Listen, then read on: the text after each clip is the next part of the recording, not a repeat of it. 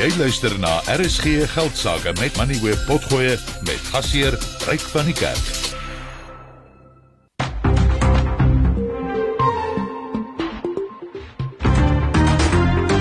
Jy luister na RSG Geldsaake met Ryk van die Kerk, jou betroubare bron vir sake en beleggingsinsigte. Hierdie program word aan jou gebring deur Absa. Jy kan aanlyn na Absa skuif en 'n Business Evolve rekening oopmaak. Goeienaand en hartlik welkom by die program.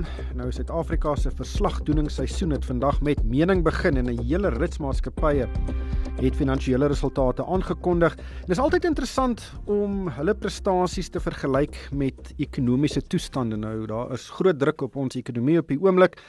Maar uh, baie van hierdie maatskappye het eintlik uitstekend presteer en uh, van die maatskappye wat vandag aangekondig het is Sasol, Kumba Eystererts, uh, Motus Supergroep, Adcock Ingram en ook Kap, so die groot deursnee van ons ekonomie. En uh, ons gaan vanaand spesifiek kyk na die resultate van Sasol. Ek gaan daar met Hanrey Rousseau gesels. Hy is die finansiële hoof. Ons gaan nou kyk na Kumba, daar gesels ek met die uitvoerende hoof Mpumi Zikalala en dan ook uh, gaan ons kyk na Motus en ek gesels met Okkert Janse van Rensburg. Nou Sasol se wins was effens hoër, maar dit lyk of daar probleme is met die winsgewendheid van sy Amerikaanse aanleg in Louisiana. Nou daardie aanleg lyk my gee Sasol net probleme. En uh, as ons kyk na Kumba, het die wins amper halveer weens onder meer Transnet wat nie sy eystererts by die hawens kan kry nie en dan motors wat mense nou sou dink sal onder druk wees weens die ekonomiese toestand net regtig baie baie goeie resultate bekend gemaak en dit lyk my of hulle motors verkoop dat dit klap. En uh, ons gaan nou kyk na wat môre in die begroting kan gebeur. Ek gaan met Chantel Marx van FNB Private Wealth daaroor gesels. Dit gaan 'n baie baie belangrike begroting wees. Ons sê eintlik elke jaar dit gaan 'n baie belangrike begroting wees, maar ek dink vanjaar se ene gaan uh, gaan baie mense fyn dop hou want daar's baie beloftes deur die regering gemaak en ons moet sien of dit deurvloei na die begroting toe want as dit nie in die begroting is nie, gaan dit nie gebeur nie. En dan op Dinsdag gesels ons altyd oor landbou sake en vanaand gaan ons kyk na die makadamia bedryf. Nou een fonkelfeit Chantel wat hier langs my sit wat ek vandag geleer het is dat Suid-Afrika is die grootste produsent van makadamia neute in die wêreld. Ek weet hierdie want my uh my skoonsis se man is 'n makadamia boer in die Laagveld. So uh, en hy het vir ons gesê dat ek dink dit was 'n jaar of twee terug het ons die grootste produsent van makadamias geraak. En jy moet net ry op die paaie in die Laagveld en dan sien jy die klein boompies, die volgende jaar is dit 'n middelgrootte boompie en dan floreer daai boom. Ja, daar's 70 omtrent 70000 ton geproduseer. Ek is mal oor makadamia neute. Ek dink nie ek het 'n groot duik daarin gemaak nie, maar dit is interessant. Dit is net weer eens Suid-Afrikaners is innoverend en as daar 'n mark is dan word dit ontgin en van ons produkte is die beste in die wêreld en ek is seker hierdie bedryf is uh, is nog 'n voorbeeld. Maar kom ons kyk eers wat het vandag op die markte gebeur en die insetsel word geborg deur Finbond Mutual Bank. Kontak hulle op 0860 442211. Finbond Mutual Bank. Soos gewoonlik sit Henko reg. Uh, Henko, ek het so na die skerm gekyk en is maar vir my rooi. Ja nee, uh, ryk goeie naand aan jou en Chantel en goeie naand aan elke luisteraar. Dit is op wêreldmarkte ook maar rooi ryk as ons vinnig loer oor see, die Dow Jones, die S&P 500 en die Nasdaq elkeen sowat 1.5% af op die oomblik en Europese beurse het in die rooi gesluit, die FTSE 100, die DAX en die CAC 40 elkeen 0,4% laer en dan hier by ons het die JSE se algehele indeks vandag gedaal met 1,3% tot 'n vlak van 78811 punte. Die Hulbron indeks se vlak het omtrent pak slaag gekry en daal daarmee met 3%. Die nywerheidsindeks was 1,2% swakker geweest en die finansiële indeks het ietwat gestyg maar regtig nie met baie nie, so wat 0,3% hoër. Prosus het vandag heelwat verloor, amper 5% af. Naspers en Anglo elkeen 3.5% laer. BHP en Glencore verloor elkeen 2% vandag en Amplats sluit 1.5% laer. Dan ander maatskappye wat baie swaar gekry het, wat se Banye Stillwater 5.5% af vandag, Sasol verloor 5%, Implats 4% laer en Thungela daal 3.2%. Baie beter gaan met maatskappye soos Old Mutual wat vandag 4% hoër sluit die MultiChoice groep 2.5% hoër, Reinet en Supergroep elkeen 2% op vandag. Dan is ons beweeg na die kommoditeitsmark, is die goudprys nou 1840 dollar per fyn ons, Platinum verhandel teen 946 dollar en palladium teen 1525 dollar. Die oliepryse is nou 82 dollar en 76 sent per vat.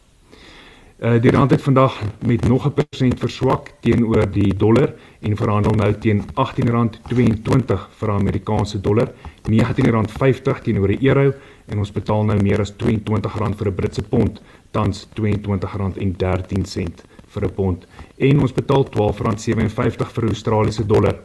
'n Bitcoin verhandel teen 24700 dollar of 455000 rand. En hier laaste, die R106 staatseffek lewer opbrengs van 8,63% en die R209 gee opbrengs van 11,38%. Dankie Henku. Chantel Marx, uh, ek het jou nie eers ordentlik voorgestel nie. Jy's hoof van beleggingsnavorsing by FNB Private Wealth. Ehm um, voor ons oor die begroting gesels, uh, daar het 'n hele klomp maatskappye soos ek nou gesê het resultate aangekondig. En die aandelepryse het nogal heftig gereageer. Eh, die drie waarna ons later gaan kyk, Sasol is 5,3% af vandag, Kumba verloor 1 en 'n kwart persent, Motus ehm um, uh, ek sien hier so 5,2% hoër uh en uh dis asof hier heftige reaksies is op uh effense verrassende nuus. Ja, dis iets wat ons die laaste paar jaar sien beide in Suid-Afrika en ook in internasionale markte. Uh klein net 'n klein bietjie beter as verwag en die aandelepryse somme 7 of 8% op en dan 'n klein bietjie swakker as verwag en die aandelepryse somme 10 of 15% af. En ons het laasweek dieselfde tipe van reaksies gesien tot korporatiewe nuus soos van Life Healthcare byvoorbeeld. Somme 15% op toe hulle sê iemand stel belang in hulle besigheid in Europa.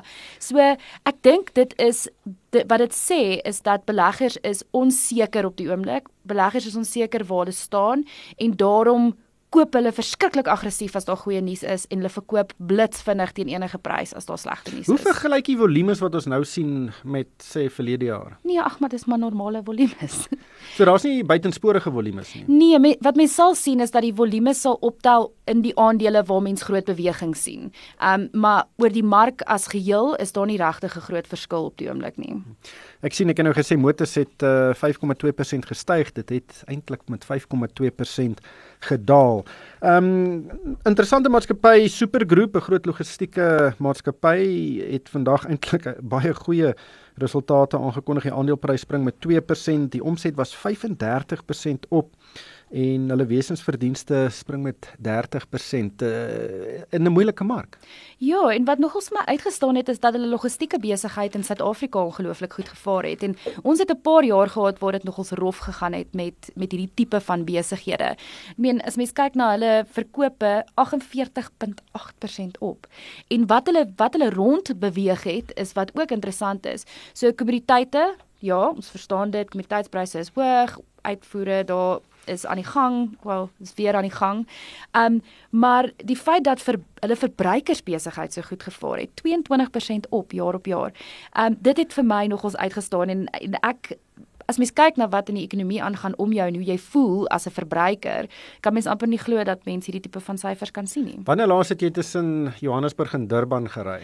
Ek het ek het onlangs tussen Johannesburg en Durban gery en dit is chaos. So miskien is dit miskien verduidelik dit wat hier ja, aangaan. Ja, ons was laas naweek na die Midmar Mile toe en selfs my kinders het gesê, "Jene, kyk al hierdie vragmotors. Hoekom uh, hoekom is daar so baie vragmotors op die pad?" Transnet. Die probleem is dat ons het nie treine wat ry tussen Durban en Johannesburg nie of nie genoeg nie. En ek weet dit is iets wat hulle probeer oplos, maar ek kan nie sien hoe dit binne die volgende 6, 12, 18 maande opgelos gaan word nie. Wie in die private sektor gaan kom en sê, "Oké, okay, vir 20 jaar lank sal ek hierdie treinspoor onderhou. Ek gaan al julle staf oorneem." Daar moet daar moet 'n insent dit moet vir hulle sin maak. En ehm um, ja, ek dink dit is 'n uh, dis 'n moeilike enetjie om te verkoop, veral as mens kyk na wat, die misdaad die misdaad oor wat wat om hmm. hierdie treinspore plaasvind. Ja, Chantel verwys daar na uh konsessie wat Transnet wil uitgee op daardie roete waar die meeste van die vrag in Suid-Afrika vervoer word en uh die, die private sektor is nou genooi om hulle voorstelle op die tafel te sit van hoe hulle dit sal bedryf en dit gaan baie interessant wees hmm. want uh dit vloei ook in in die mynboubedryf indien daardie konsessie werk kan daar dalk privaat treine en en privaat dienste wees op die belangrike kommoditeitsroetes, die steenkoolroete daar uh Richards Bay toe en en ook die ehm um, Eysterertsroete Saldanha Bay toe. Dit gaan interessant wees en ek gaan uh, gesels met uh, Mpumi Zikalala van Kuma juis daaroor. Nog 'n interessante maatskappy Kap. Hulle het baie bedryfs uh en uh weet 'n um, um, bates wat uh, goederes vervaardig in Suid-Afrika. Hulle is groot in die houtbedryf ook. Ehm um, omset uh, net 12% op, wesensverdienste af. Miskien weerspieël dit meer van wat in Suid-Afrika aangaan. Ja, Kap het het 'n paar probleme gehad tydens hierdie spesifieke ehm um, tydens hierdie spesifieke tydperk. En as mens kyk na waar die probleem vandaan gekom het, was dit meestal kostes. So hulle het op as mens kyk na hulle verkope, het dit was dit positief en dit was heel okay en eintlik goed op sekere plekke, maar hulle hulle profit was onder druk gewees en ek wat hulle genoem het ook al is dat load shedding 'n groot impak hier gehad het. Natuurlik vir hulle om aan te hou met hulle aanlegte, om hulle aanlegte aan die gang te hou, moet hulle diesel verbrand. Daai diesel is duur. Ehm um, dit is ook duur om jou kragopwekkers te onderhou. Want nou gebruik jy die kragopwekkers al vir so lank ruk dat die goed begin breek. So dis nog 'n addisionele koste. So hierdie tipe van goed is nie goed vir vir maatskappye soos Kap nie. Ek weet hulle werk baie hard daaraan om te kyk na solarstelsels dalk sal dit die probleem vir hulle kan oplos en die koste daarvan kan verminder. Ehm um, maar ek dink dit gaan nog 'n rukkie wees vir hulle en en ja, ongelukkig was hierdie uitslag nie baie goed nie. Ja, jy kan nie oornag ook sonpanele installeer nie. Dis nogal 'n 'n storie om te doen. Dan Sibanye Stillwater, 'n groot platinum en goud produsent. Hulle koop laat dit bars maatskappye en myngroepe reg oor die wêreld en vandag het hulle nou nog een aangekondig. Hulle gaan 'n uh, New Century koop in Australië vir so 1.5 miljard rand. Nie baie geld nie, maar is dit wys om op so hoë vlak van die kommoditeitsiklus so jou beursie oop te maak? Gewoonlik nie en ek dink in hierdie geval ook nie. so dit het ook gepaard gegaan met 'n swak handelsverslag wat hulle ook uitgereik het. So daar was so of twee goed wat die mark nie van gehou het nie. Ehm um, een dit gaan nie besonder goed by die besigheid op die oomblik nie en twee hulle hou aan om goed te koop. Nou hulle balansstaat is baie sterk. Hulle het ongelooflik baie kontant op hulle balansstaat. Maar wat wat beleggers soek wat op die bo-punt van die kommoditeitsprys siklus is dat hierdie mynmaatskappye moet die geld teruggee vir beleggers sodat hulle iets anders te kan koop vir wanneer kommoditeitspryse onder druk kom en hierdie maatskappye se se winsmarges kleiner word. So beleggers hou nie daarvan nie en dit is ook 'n gevaarlike speletjie om te speel want jy betaal baie duur omdat kommoditeitspryse hoog is. Dan is môre begroting. Ehm um, daar is baie mense wat dit uh, baie baie fyn gaan dophou. Ek is seker jy gaan een van hulle wees. Nou natuurlik die die vernaamste ehm um, onderwerp wat uh, mense voor inligting gaan soek is Eskom se skuld 422 ja. miljard rand. Uh, Eskom soos hy nou daarna uitsien is nie 'n 'n uh, lopende of uh, nie 'n besigheid wat uh, lewensvatbaar is nie. Daai skuld moet oorgeneem word en sodat uh, Eskom dan die vermoë om nie rente te betaal nie, maar sy kragstasies reg te maak. Ja, absoluut. En ek dink dit gaan dit gaan die hoof fokuspunt wees. Hoeveel van Eskom se skuld gaan die staat oorneem? Gaan hulle Eskom verder help? buiten dat hulle hulle skuld gaan oorneem. Ehm um, gaan hulle dit ooit doen of gaan hulle iets anders te probeer uitwerk wat ek hoop nie die geval is nie want op hierdie stadium dink ek meeste meeste beleggers en meeste ehm um, mense oor die algemeen verwag dat hulle van daai skuld gaan oorneem. So dit behoort nie 'n massiewe impak te hê op die staat se beleggingsuitsig as ek dit so kan stel van hulle staatseffekte byvoorbeeld nie. Ehm um, ander goeders wat ek dink gaan baie ehm um, interessant wees gaan wees wat sê die tesorie van ekonomiese groei vorentoe. Want ons het nou gesien dat vooruitskattinge afgebring is deur amper almal. Ek meen Reserwebank was net nou die dag het hulle gesê ekonomiese groei gaan baie swak wees. So dit gaan interessant wees om te sien wat hulle verwag verwagtinge is en hoe dit hulle vooruitsig gaan verander van hoe ons skuld lyk relatief tot ons inkomste. Ehm um, en dan Ek dink daai belastingaansporings vir solarstelsels gaan baie interessant wees en hopelik begin is dit die begin um van 'n nuwe vinnige vinnig groeiende industrie in Suid-Afrika en kan verbruikers dalk bietjie help vorentoe en ook maatskappye. Ja, dit dis die die die dis vraag is net hoe hulle dit gaan doen. Ek het met 'n paar mense gepraat die um afgelope week en daar is geen invoerheffings op uh, sonkragstelsels nie uh, en die manier om mense aan te spoor om dit te doen dit moet innoverend wees en ja. en hopelik nie ander bedrywe ook seermaak nie. Ons gaan maar kyk wat daar uitkom. Uh dan sal ek ook graag wil sien uh dat die regering, ek weet nie of die mense in die begroting kan beleid stel nie, maar baie meer optree teen uh misdaad, veral die steel of die diefstal van koperdraad. Ja. Transnet se probleme is uh baie baie gekoppel daaraan. Uh en en hooplik is daar daarom iets wat uh, aan daai kant toe ook gaan want die uitkring effek van 'n swak Transnet is basies net so sleg soos 'n swak Eskom. Ja, en hulle het genoem dat ehm um, of die die president het genoem in sy sy Sona ehm um, toespraak dat hulle gaan kyk na misdaad en ek weet dat daar ook baie baie is wat gedoen moet word om daai gryslys te te vermy.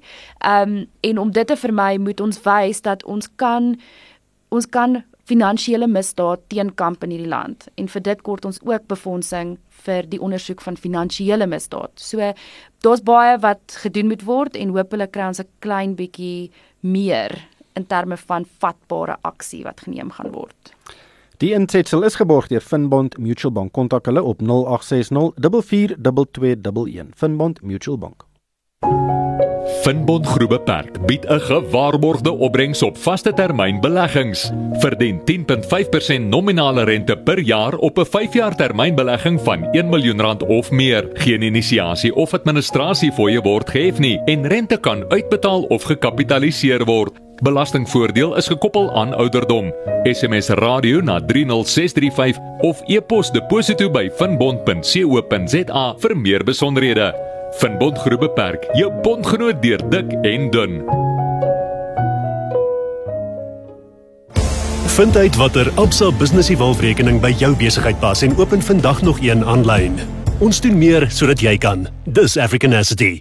Absa se gemagtigde FTV en geregistreerde kredietverskaffer. Besenfees geld. Vir die belangrikste sake nuus, skakel in op RSG Geldsaake. Sasol is een van Suid-Afrika se grootste tegnologie suksesverhale. Dit is in 1950 deur die regering gestig en is in 1979 geprivatiseer en op die JSE genoteer. En dit het tegnologie ontwikkel om brandstof uit steenkool te vervaardig. Dit was die eerste maatskappy in die wêreld wat dit kon doen en die groep is vandag 'n wêreldspeler en bedryf chemiese aanlegte reg oor die wêreld insluitende 'n baie groot aanleg in Louisiana in Amerika. Die maatskappy is ook een van die gunsteling maatskappye vir batebestuurders en ook kleinhandelbeleggers. Die groep het vandag tussentydse resultate vir die 6 maande tot einde Desember aangekondig. Die omset was 27% hoër op 152 miljard rand. Die kernwesensverdienste was 9% hoër op R24.55 'n aandeel. Op bedryfsvlak was die wins voor rente en belasting basies onveranderd op 24 miljard rand en die groep het 'n uh, tussentydse dividend van R7 per aandeel verklaar. Dit is die eerste tussentydse dividend wat die groep sedert 2020 verklaar. Andre Resou is die finansiële hoof. Hy is op die lyn. Andre, baie welkom by die program. Kom ons begin by dinge wat op die oomblik die opskrifte in Suid-Afrika maak en dit is veral beerdkrag. Julle vervaardig baie diesel. Hoe het beerdkrag julle dieselverkope beïnvloed? Ryk so dit nie direk ons produksie beïnvloed nie, maar wel die vraag na diesel is word gedryf deur mense wat diesel gebruik vir die opwek van krag. So die dieselverkope was sterk. Maar aan die ander kant kan mens sien in die petrolverkope kyk dat ekonomiese aktiwiteit in die land het natuurlik knou gekry. En ek dink op 'n breër vlak ons chemikalie verkope natuurlik ook dieselfde knou wat weerkrag vir ons verbruikers van chemikalie gee aan ons produksiekant, ons wek omtrent die helfte van ons krag, dit wek ons self op. Ons koop by Eskom. Maar ons kyk wel na 'n opsies om krag terug te verkoop ook aan Eskom. Daar is 'n nuwe stelsel wat Eskom nou wil implementeer wat verbruikers natuurlik krag kan terugverkoop aan Eskom. So ons werk maar ook om ons deel te kan bring om die kragkrisis net te verminder in die land. Maar soos ek dit verstaan, is die Sasol aanleg die enigste ene wat op die oomblik diesel in Suid-Afrika vervaardig. Verkoop julle alles dit in die plaaslike mark? Dis korrek. So ons Sekunda raffinaderry vanuit steenkool en gas maak ons diesel en ander brandstofprodukte en ons natref raffinaderry voer ons die olie voor in en ons produseer ook dan ons brandstofprodukte. Ander brandstof wat verkoop word in die land word natuurlik net ingevoer. So dit word van internasionale markte af ingevoer en dis maar waar daar dan wisselvalligheid kom in terme van die beskikbaarheid ook van brandstof in die land en ek dink vir daai rede is dit belangrik dat Sasol kan aanhou voortbestaan in die toekoms anders bring dit natuurlik onsekerheid rondom die beskikbaarheid van brandstof in die land. Ja, ek dink dit is 'n groot risiko vir Suid-Afrika dat daar net een raffinaderry is. Maar uh, kom ons gesels ook oor elektrisiteit. Jy het nou vinnig daarna verwys. Julle het al wesentlik belê in julle eie sonkragaanlegte, maar julle bring baie gas in van Mosambiek af. Kan julle nie 'n groot kragaanleg bou wat gas gebruik as brandstof nie? Ons het gasturbines ook wat ons ons eie gebruik gas voor opwek. Ek wil dit sekerlik 'n opsie ook om te kyk na na gasturbines vir die langer termyn. Ek wil groter gasturbines. Ek dink daarvoor sal mens duidelikheid het duidelikheid moet hê soos maar oor die die gasskepe, die opwekkings van van gas op die die skepe waarvan gepraat word, ook die car power opsie waarna gekyk word. Wil mens net duidelikheid hê oor dan die langtermyn kontrak wat benodig is. So dit definitief 'n opsie waarna ons of of uh, ander produsente na kan kyk. Soos wat ek genoem het, ons kyk wel om dan uit ons huidige turbines van daai krag te verkoop terug te verkoop aan aan Eskom en ek dink dit kan ook help om van die piekgebruik van krag dan uh, te help mee in, in terme van Eskom se se vermoë om net die piekverbruik van krag te te bestuur. Hoe lank sal dit neem? Sê nou maar julle kry die groen lig van die regering om nou so 'n groot gas aanleg te bou. Hoe lank sal dit neem voordat julle daai ding in bedryf kan stel? Miskien relatief tot hoe lank dit neem om 'n sonplaas te bou? Ons het nog glad nie na daai planne nie. So ons ons eintlik maar van nul af moet begin. Ek dink die gelukkig die aspek natuurlik is goed soos jou omgewingsgoedkeurings, jou beplanningsgoedkeuring. So dit is dis eintlik 'n baie lang proses. Ek net maar kyk na enige produksieaanleg of 'n myn wat jy bou, sal daar reg gedink moet word oor hoe om ook die regulasies te verander om dit so noodverbruik of nood uh, opwekking te kan fasiliteer. Ja, ons is nou amptelik in 'n noodtoestand oor die elektrisiteitskrisis, maar ek neem aan Gwedemantash of uh, ek weet nie wie nou in beheer is nie, die nuwe minister wat nog nie aangestel is nie of Pravin Gordhan van openbare ondernemings. Julle het julle nog nie gebel en gesê wat kan julle vir ons doen nie? Daar is nog klaar gesprekke reik in terme van net die die terugverkoop van ons huidige krag. So ek dink dit al klaar kan 'n verskil maak, maar ek dink langer termyn gaan ons ook moet saamwerk om na opsies te kyk definitief. Kom ons gesels oor julle bedrywighede. Kom ons begin vinnig in Amerika, die Louisiana aanleg wat julle daar het, uh, dis een van die grootste in die wêreld van sy soort. Hoe het dit presteer? As ek kyk na die wins van die verskillende besig besigheidseenhede in ons stal, is dit ongelukkig maar die oorseese bedrywe wat gesukkel het die jaar. Ons laas jaar het ons oorseese bedrywe omtrent 21% van ons bedryfswins gelewer. Hierdie jaar is dit slegs 3%. Ons het geen winste gemaak in Amerika nie en, en maar baie lae winste in Europa. En dis maar basies om oprede die die die die, die ongelooflike inflasie in die insetkoste vir al gas en gasekwivalente wat wat ons gebruik om chemikalieë te maak. So as ons kyk na die gaspryse in Amerika en in Europa, dit ons natuurlik deur die dak geskiet. So ook etaan wat ons gebruik om af te breek in etieleen en plastieke mee te maak. Dit het daai marges 'n verskriklike knou gegee en natuurlik dan ook die die impak van laer vraag na ons produkte die koper se verlaagde vraag en dan verlaagde voorraad wat hulle hou met 'n het 'n groot impak gehad op daai besighede wat 'n hoër basis het in terme van vaste koste. So ons het gesukkel om winste steeds uit te te knyp daarso. Dit moet 'n ongelooflike teleurstelling wees want julle het so baie geld in daardie aanleg belê. Die koste was dramaties hoër as wat aanvanklik voor begroot is uh, en dit is altyd gesien as uh, Sasol 2.0, die nuwe fase van Sasol om nou basies nie geen geld daar te maak nie met 'n geweldige groot probleem wees vir julle. Wat wat is die vooruitsigte daar?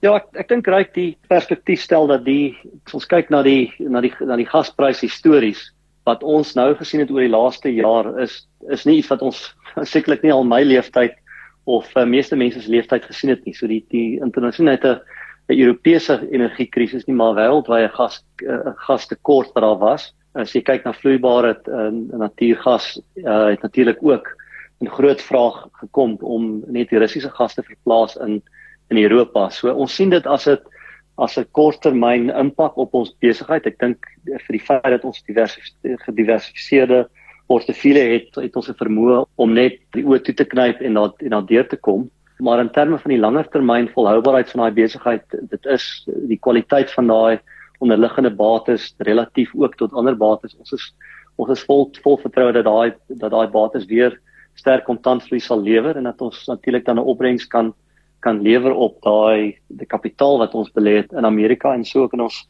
Europese besigheid. Dit is maar siklies. Uh hierdie is 'n is 'n siklus wat ons nog nooit voorheen gesien het nie. Maar ons sien dan nou ligpunte aan die einde van die tonnel. Ons klaar in ons in ons Januarie en en Februarie vooruitskatting sien ons dat die mark begin oopmaak. Is natuurlik dat uh, die die gaspryse het begin om te normaliseer en en daar kom weer kontant uit daai besighede uit natuurlik daardie aanleg het ook vir julle groot skuldprobleme gegee. Julle het 'n klomp bates verkoop insluitende 'n belang in daardie aanleg, maar ek sien in die tydperk aan die einde van Desember was die skuldlas net so oor die 110 miljard rand. Dit was effens hoër as wat dit in Junie verlede jaar was. Is dit vir julle hoog en voorsien julle dat dit dalk in die toekoms kan daal? In terme van die huidige vlak, ons is baie gemaklik daarmee. Die skuldvlak is ook natuurlik vir ons belangrik in terme van ons vermoë om terug te betaal en as ons daarin vertrou het, dan kan ons natuurlik ook 'n dividend betaal. So ek dink ek dink die feit dat ons wel nou 'n uh, tussentydse dividend verklaar het na ons ook die voljaar dividend laas jaar verklaar het, behoort ook aan vir die belegger vertroue te gee dat ons vertroue het om ons vermoë om ons skuld terug te betaal. Dit was Andre Resou, die finansiële hoof van Sasol. Chantel, wat het jy gedink van die syfers? So, ek dink winssyfers, hulle het vir ons gesê dit gaan nie ongelooflik, dit gaan nie 'n besonderse goeie 'n uh, jaar vir hulle wees nie. Ehm um, ons weet daar was operasionele probleme by hulle ehm um, aandagte in Suid-Afrika, as ook van hulle myne in Suid-Afrika. Ons het geweet chemikaliepryse is onder druk in die FSA of wat wat natuurlik die die marges in die FSA ook beïnvloed het. Maar ek dink die die skuldlas was bietjie hoër as verwag en dit dit was ons kan onthou wat gebeur het um in 2019 2020 so dit dit maak beleggers 'n klein bietjie angstig dink ek. Maar ek dink meeste van hulle kommoditeitspryse onderliggende kommoditeitspryse beweeg nou in die regte rigting. Die aandeel is nie ongelooflik is nie besonder duur nie. En die skuldlas het toegeneem maar ek dink dit kan nog dit is nog onder beheer. Hierdie aandeleprys vandag 5,3% laer op R279, maar in Junie verlede jaar het dit nog gestaan op R440. So daar was daar 'n seker bietjie meer as 'n regstelling en Ja, daar was definitief en as mens kyk na waar hulle verhandel relatief tot ander ehm um, tot tot ander mat ander soortgelyke maatskappye internasionaal ehm um, lyk like Sasol regtig nie baie duur nie. Daar moet net 'n paar goed reg vir hulle be beweeg, net 'n paar goed. Kan ek 'n besigheidsrekening kry wat by my besigheid pas? Met Absa kan ek. Absa se Business Evolve rekeninge bied 'n verskeidenheid buigsame opsies vir besighede van verskeie groottes. Elke pakket bied gratis toegang tot aanlyn bankdienste, 'n spaarsakkie en cashflow manager, 'n geïntegreerde rekeningkunde hulpmiddel wat jou help om op hoogte van finansies en meer te bly. Dis 'n oplossing wat saam met my besigheid groei. Vind uit watter Absa Business Evolve rekening by jou besigheid pas en open vandag nog een aanlyn. Ons doen meer sodat jy kan. Dis African Asset. Absa se gemagtigde FTV en geregistreerde kredietverskaffer. Besenfees geld. Daar is geen geld sake met Moneyweb. Elke week saand tussen 6 en 7. Kumba Eystererts is die grootste eysterertsprodusent op die vasteland en Anglo American besit sowat 70% van die maatskappy. Kumba het twee primêre bedrywighede waarvan die grootste 'n 76% belang in die Sishen ysterertsmyn in die Noord-Kaap is. Kumba besit ook die Kolomela myn naby Posmasburg ook in die Noord-Kaap. Kumba bedryf dan ook die Saldanha hawe wat die enigste toegewyde ystererts uitvoerfasiliteit in Suid-Afrika is en dit is skynbaar groter as die land se vier ander grootste hawens saam. Die maatskappy het vandag resultate vir sy boekjaar tot einde Desember aangekondig en dit is baie swaar getref deur die probleme by Transnet om ystererts uit te voer en ook 'n laer wêreldwye ysterertsprys. Die groep se omset was 27% laer op 74 miljard rand. Die wesensverdienste het met 46% gedaal tot 18 miljard rand of 56 rand per aandeel. Die groep se totale produksie was 8% laer op 38 miljoen ton. Die direksie het 'n slotdividend van R16.30 per aandeel verklaar, wat die totale dividend vir die jaar tot R45 per aandeel opstoot en dit is byna 60% laer as die R103 per aandeel wat aandeelhouers verlede jaar ontvang het. Op die lyn is Mpumi Zikalala, sy is Kumba se uitvoerende hoof. Pumi, thank you so much for joining me today. I think you've mentioned Transnet by name around 12 times in your short form announcement you released today, and it is cited as the main reason for the poorer performance. So, how much of the poorer performance can you lay at Transnet's feet? Just a comment first. I have to say that if I look at the macro operating context in 2022, it had a whole lot of things that we had to deal with whether you talk about the geopolitical issues, China's COVID policy, the energy crisis, not just in the country, but in Europe as well, the volatile iron markets that you spoke about, supply chain disruptions, and clearly the one that you are talking about, which is around logistics constraint. Yes, it clearly had a significant impact on our business. And the one element that we zoomed into a little bit earlier was specifically looking at the performance for the fourth quarter where if you look at it, we're impacted to the tune of 3.5 million tons and revenue potential of 6.5 billion rands. And clearly that would have added significant value, not just to our business, but to the fiscus as well, and clearly ultimately to people within our country. The Saldana port operation is interesting. The port is owned by Transnet, but you are responsible for the operations. Am I right? So Transnet owns it, but you run it? No, so the port is owned by Transnet and the operations are run by Transnet. When we do load from the multi-purpose terminal, that's what we essentially run.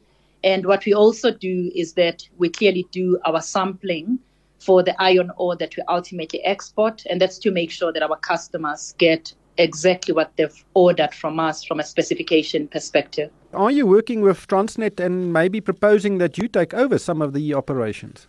So we are firstly working with Transnet, and uh, this is around improving the performance of both the rail and the port. And the recent collaboration that was announced in December last year was between the Minerals Council of South Africa, and clearly we are part of the Minerals Council, as well as the Transnet board. And that spoke about collaboration that we need to drive to turn around the performance levels that we currently see, not just for the iron ore channel, but clearly for coal, chrome, mm. and manganese as well.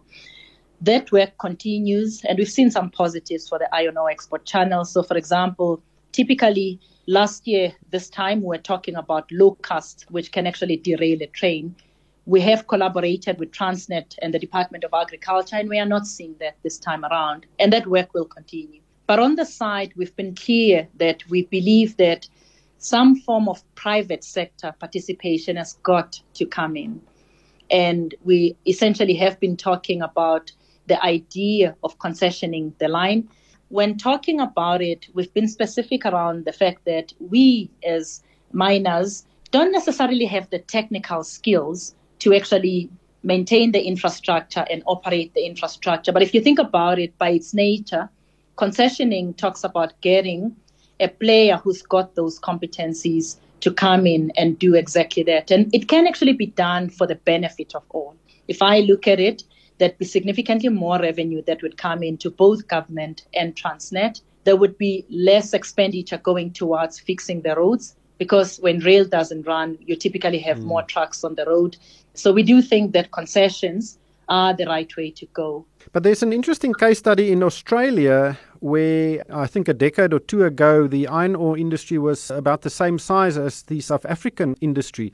And the railway line was privatized, and the production levels just absolutely exploded because of logistics. How does Transnet's inability to transport your product to Saldanha Bay impact your production levels? Rick, I have to say there's quite a few case studies. So from an Australia perspective, let's look at bulks, and clearly bulks can either be iron ore or it could be still making coal as well. You've got the Pilbara model where everything is done by the private sector. You've got the Central Queensland model where the operational side and the maintenance is essentially concessioned to a player. You've also got other models. You've got the German model, the Deutsche model. You've got the Canadian model. We have clearly spent some time understanding the various models and have seen that where you essentially have private sector participation, you can talk about the how, because clearly that's something that we can't do on our own. That's something that we'd have to get to with both government and Transnet. We've seen that you tend to see an improvement in terms of performance. And the key is we are seeking to get to exactly the same space with all the other players, whether you're talking about government, Transnet, emerging and established miners. Everybody would like to see an improvement in terms of performance. I'll say it again. It would be for the benefit of all. And concessions would certainly help with that. I spoke about Dit was Mpumi Sikelala, sy is die uitvoerende hoof van Kumba. Ons sal daai gesprek daar moet los. Maar ja, ek dink die enigste pad vorentoe is private operateurs. Interessante keuse vir 'n woord. Ek sal dalk die woord privatisering wou hoor, maar eh, ten minste beweeg dinge daarom in die regte rigting. In 'n wêreld waar jou vervaardigingsbesigheid buitengewoon moet wees, wil jy nie ook 'n bank hê wat groter dink nie? Ons spankundiges verstaan die nuances van die bedryf al te goed en daarom kan ons pasgemaakte oplossings vir jou besigheid bied. Wil jy net nog 'n finansiële vennoot hê of een wat met jou toekomsverwagtinge in die vervaardigingsbedryf kan help? Dink groter, dink Nedbank kommersiële banksaake. Vir meer inligting, besoek Nedbank Manufacturing. See money differently. Nedbank Ons is 'n gelisensieerde FDV en geregistreerde kredietverskaffer. Daar is geen geldsaake met Moneyweb, jou betroubare bron vir sakke en beleggingsinsigte. Die Motorsgroep is een van die grootste spelers in die plaaslike motorbedryf. Dit is in 2018 uit Imperial ontknoop en uh, vandag bedryf dit bykans 500 motorhandelaars in Suid-Afrika, Brittanje en Australië. Dit dit, dit bemark voertuie van 28 motorvervaardigers en 6 kommersiële voertuigvervaardigers en dit is onder meer die eksklusiewe invoerder en verspreider van Hyundai, Kia, Renault en Mitsubishi en uh, die groep bedryf ook onder meer die die verhuuringsagentskap Europcar. Die groep het vandag resulta resultate aangekondig. Dit was vir die 6 maande tot einde Desember. Die omset was 14% hoër op 51 miljard rand. Die wins was 10% hoër op 1,6 eh, miljard rand en uh die wesensverdienste spring met 51% tot 1,4 miljard. Die direk het 'n tussentydse dividend van R3 per aandeel verklaar. Okkert Jansen van Rensburg is op die lyn. Hy is die finansiële hoof van Motus. Okkert, welkom by die program. Ek het na julle resultate gekyk en dit lyk nie of daar werklik so baie druk op verbruikers is as wat 'n mens sou verwag nie en dit is in 'n omgewing waar rentekoerse verlede jaar skerp gestyg het en daar was ook 'n afname in ekonomiese aktiwiteitsvlakke. Hoe hoe hoe sien julle die die prestasie van motors in die breër ekonomiese omgewing? Ja, goeienaand Ryk. Ons is uh ek kan wel sê dat ons ons is baie tevrede met die stadige resultate wat ons kan kan uh, geproduseer het. Ja, die verbruiker is 'n interessante omgewing as jy hom probeer uh, weet ontleed en ek dink die maklikste om dit te verduidelik is seker dat die uh, die verbruikers wat voertuie koop en veral jy sal dink aan die kommersiële voertuie as ook die passasiersvoertuie is eintlik al die mense wat seker die ekonomie aan die gang hou. En um, en dalk is weet uh, dit juist die, die gedeelte wat wat wel nog werk in ons land. En dit is waarskynlik hoekom die um, jy sal sien die resultate van ons eie as ook van ons hmm in ons kompetisie wel ehm um, tans goeie resultate lewer selfs al lyk dit asof die ekonomie homself dalk 'n bietjie uh, bietjie in homself in 'n klein tand bevind. Julle omset is 10% hoër, uh hoeveel daarvan of 14% hoër, hoeveel daarvan spruit uit inflasie? Ja, daar is 'n inflasie komponent ook. Ehm um, soos wat jy maar weet, die die ehm um, voertuie oor die algemeen het maar 'n uh, vir alle vir alle um, US dollar komponent gekoppel eintlik maar aan hom so soos wat ons um, ons rand 'n bietjie verswak teenoor die ander meeste geldeenhede het dit ook daai invloed. So daar is uh, daar is definitief 'n inflasie komponent. Ehm um, maar wel so ook um, die voertuie en die totaliteit het vir afgelope jaar ook heel wat uh, gestyg. En die aantal verkope van die van die voertuie is ook ehm um, die die die samestelling van daai verkope was ook 'n het ook 'n effek daarop gehad. Dan ehm um, julle is eh, 'n uh, baie groot speler in die verkope van nuwe en gebruikte motors soos ek nou vroeër gesê het, maar toe ons laas gesels het was uh, gebruikte motors uh, baie baie hoog in aanvraag en en verbruikte motors se winsgrense was hoër. Is daar enige verandering in daai tendens gewees uh, sedertdien? Ja, daai tendens het 'n bietjie verander. Ek bedoel daar was juist 'n probleem gewees dat, dat daar was 'n was 'n probleem met met nuwe voertuie gewees en soos ek seker geweet het, het ons laas gepraat het daai logistiese ketting van voertuie van die vervaardigers deur tot éventueel by die handelaars en by die by die kliënte was baie wisselvallig oor die afgelope 2 jaar en dit het baie mense genoodsaak om eintlik hulle self te wend na die tweedehandse mark. Ehm um, die goeie nuus is seker dat die dat die voorraad van nuwe voertuie nou baie naby aan die einde van die kalenderjaar het. Ons het nou wel al die voertuie begin op arriveer en ek weet jy sal ook sien nou ons werkskapitaal het jou wat gestyg ehm um, tot en met Desember en dit is seker goeie nuus aan die nuwe kant. Dit sal wel veroorsaak dat die dat die geval van die gebruikte voertuie dalk 'n bietjie verander en die aanvraag daarvan dalk 'n bietjie sal verander veral met die pryse daarvan want op 'n stadium was dit dalk 'n bietjie van 'n borrel wat moes gebars het. Ehm um, dit het seker reeds gebeur so hier by Julie Augustus se kant en en ek sou sien dat die pryse daarvan meer uh, meer redelik nou is vir die verbruiker al buite. Ja, die mark vir gebruikte motors is nog steeds vuur warm. Mens hoor omtrent elke tweede advertensie op radio en en mens sien dit op televisie is uh, We Buy Cars of Wheelie of een van die ander ehm um, maatskappye wat regtig fokus op gebruikte motors. Raak dit julle uh, op 'n wel raak dit julle op 'n wesenlike manier? Ja, ons speel dalk in 'n klein bietjie verskillende marke as, as van die ander spelers. Ek dink ons moet meer gefokus op die op die meer nuwer tweedehandse voertuie. So ehm um, gewoonlik wat jy as Afrikaanse verbruiker het is 'n groot skuld uh, gekoppel aan daai voertuie en omtrent 85% van alle voertuie in Suid-Afrika word gefinansier. So binne die eerste 5 tot 6 jaar is die is die waarde van die voertuie gewoonlik baie nog naby aan die aan die waarde van die van die lenings wat aangegaan is en daardie voertuie kom gewoonlik terug na ons handelaars toe. Ehm uh, dalk minder na van die ander spelers wat jy net genoem het. Ehm um, maar dit daai tendens verander gewoonlik relatief vinnig na die daai 6de jaar en ons fokus is definitief op ge, meer op die nuwer ehm um, gebruikte voertuie en dalk nie al die voertuie wat dalk uh, 10 jaar plus is byvoorbeeld nie. Motors ehm um, doen natuurlik heelwat meer as net om motors te verkoop. Hoe, hoeveel van julle totale inkomste kom van um, die kleinhandel deel van motorverkope? Ja, dit is eintlik seker interessant hoe ons hierdie besigheid al weet vir 'n geruime tyd uh, probeer om ook vir, vir sy langtermyn volhoubaarheid weet te verander dat hy hy is reeds 'n groot markspeler in Suid-Afrika en dit natuurlik 'n beperkte spasie so die diversifikasie van produkte en dienste is baie belangrik. So in die um, onlangse verlede het ons nou al um, weet oor uitgebrei na ander wêrelddele toe maar ook in ander uh, sektore van die mark. So ehm um, jy moet amper al die twee langs mekaar sien. So die, die een sou wees dat ehm um, waar ons nie net ehm um, ons sal blootstelling gee aan nuwe en gebruikte voertuie wat ons verkoop nie. Ehm um, die res van van daai inkomste is al reeds meer as 40%. En dit is 'n 'n ander gediversifiseerde besighede van die waardeketting van van motorvoertuie, maar dit is die finansiële dienste en die motorparte en dit is veral in daai mark na die diensplanne verval het. So jy kan sien dat ons al reeds tamelik ver gevorder het met daardie planne en al ons nuutste aankope van besighede was ook in daardie daardie spasie gewees om daai soort mense 'n bietjie beter te te verteenwoordig. Ehm um, en dan tweedens was ook ons internasionale blootstelling uh in die onlangse resultaat wat ons nou bekend gestel het vandag sê sien nou dis reeds meer 20% meer as 20% van ons wins word nou gegenereer uit internasionale markte nie meer net uit Suid-Afrika nie.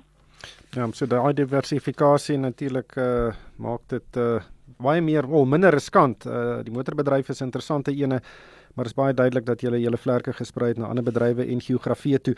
Okkert, dankie vir jou tyd vanaand. Dit was Okker Janse van Rensburg, die finansiële hoof van Motus. 'n Naam is nooit net 'n naam nie. 'n Naam word gemeet nie bloot aan wat dit sê nie, maar aan wat dit doen.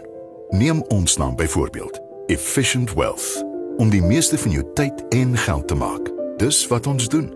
Ons omskep prestasievermoë in welvaart. Vind uit wat ons vir jou kan doen by efw.co.za. Efficient Wealth. Dis wat ons doen. Efficient Wealth is 'n gemagtigde finansiële dienste verskaffer.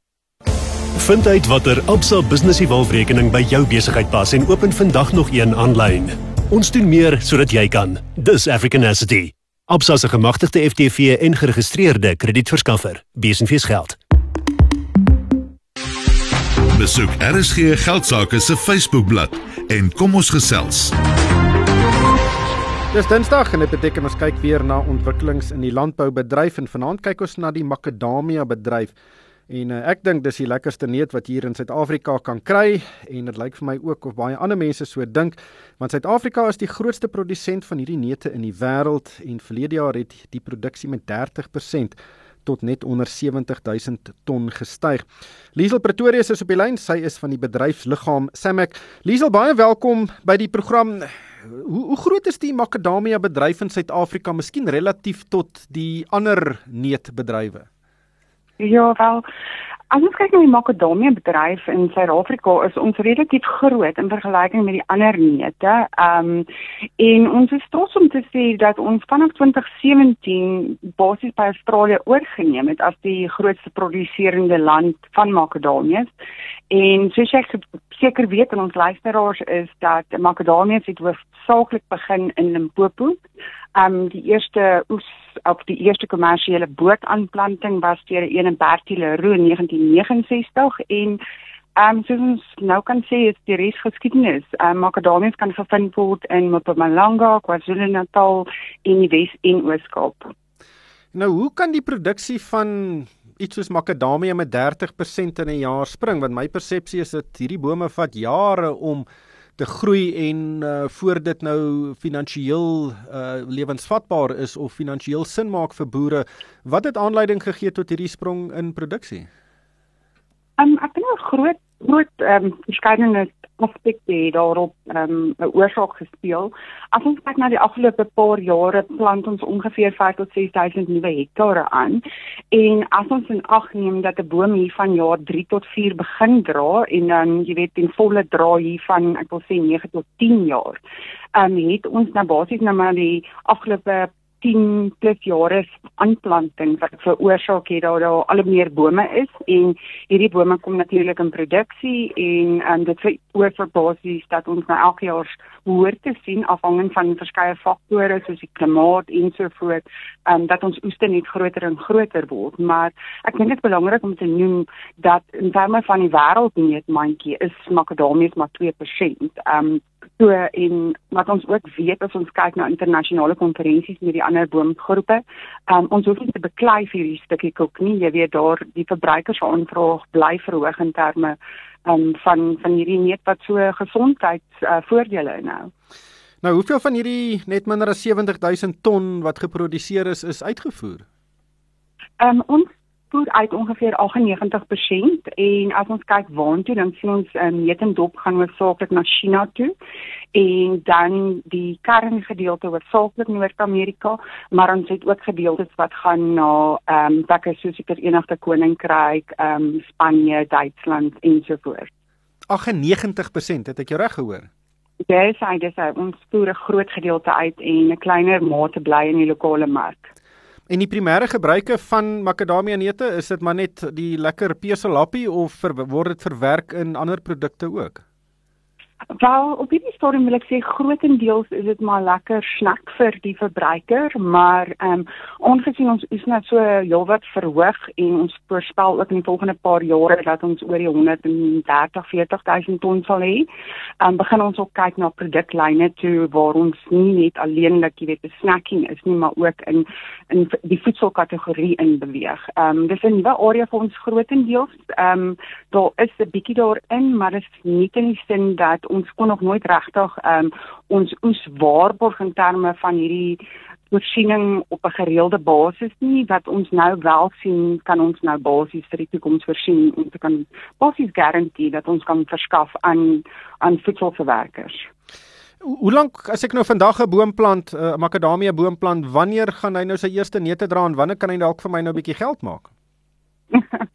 ja, as jy 'n plant maak, jy seker jy koop hom by die regte kwekery, verkieslike geakkrediteerde nee, uh, kwekery wat jy weet geaudit word, seker maak dis vry van peste pla, want dit is 'n groot uitgawe, want jy gaan sit en wag hoofsaaklik maar om ehm um, so 3 tot 4 jaar voor jy boom begin dra en dan natuurlik hier van 9 tot 10 jaar dan dan is hy nou kommersieel. Dan dan begin hy nou vir jou jou inkomste genereer, maar natuurlik baie aspekte speel 'n rol. Hoe jy na jou boom hmm gekyk het van die dag wat jy hom gekoop het tot van 10 jaar af vorentoe. Ja.